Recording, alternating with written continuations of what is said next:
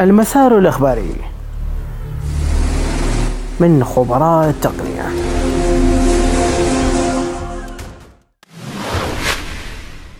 أبل تعتزم تصنيع ساعتها القادمة من التيتانيوم. الجيش الأمريكي يطور صاروخا يستطيع التعرف على الأهداف بشكل تلقائي. هواوي تقول أن مؤتمرها القادم سيكون في التاسع عشر من سبتمبر.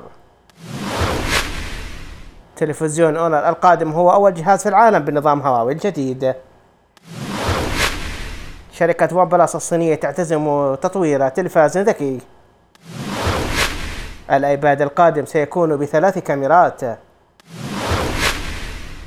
هواوي تؤجل إطلاق جهازها القابل للطي إلى نوفمبر المقبل. شائعات تقول أن الآيفون القادم 11 سيكون به قلم. أمازون تتيح ميزة تسريع الصوت الخاص بمساعدها. شركة مكسيكية تطور أشجارا صناعية للحفاظ على البيئة.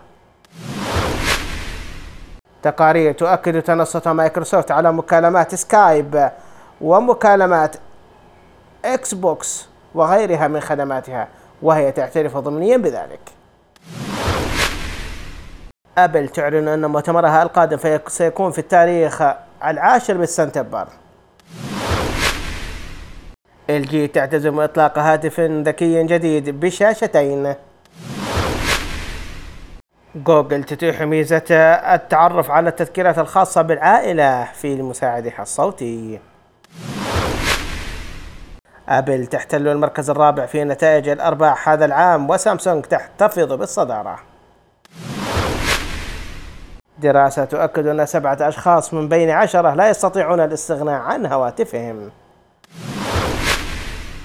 مايكروسوفت عبر متصفحها ايدج تتيح ميزة القراءة بصوت عال على أندرويد. فايرفوكس يتيح ميزة تسجيل الدخول بالبصمة على المواقع. ناسا تعلن عن إطلاق صاروخ يستطيع السفر إلى القمر. تطبيق ويز للملاحة يتيح ميزة الاستماع للموسيقى في اليوتيوب بواسطة تطبيقها.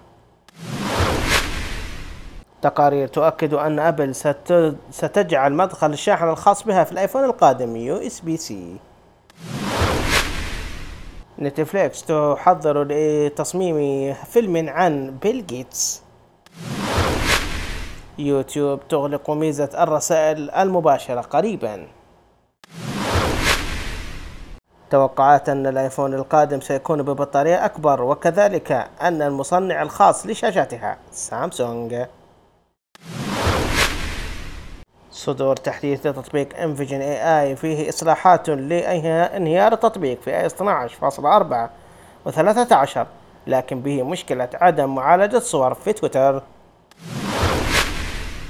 وأخيرا WordPress يستحوذ على Tumblr رسميا.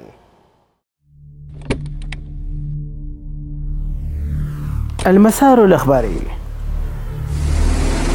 من خبراء التقنية.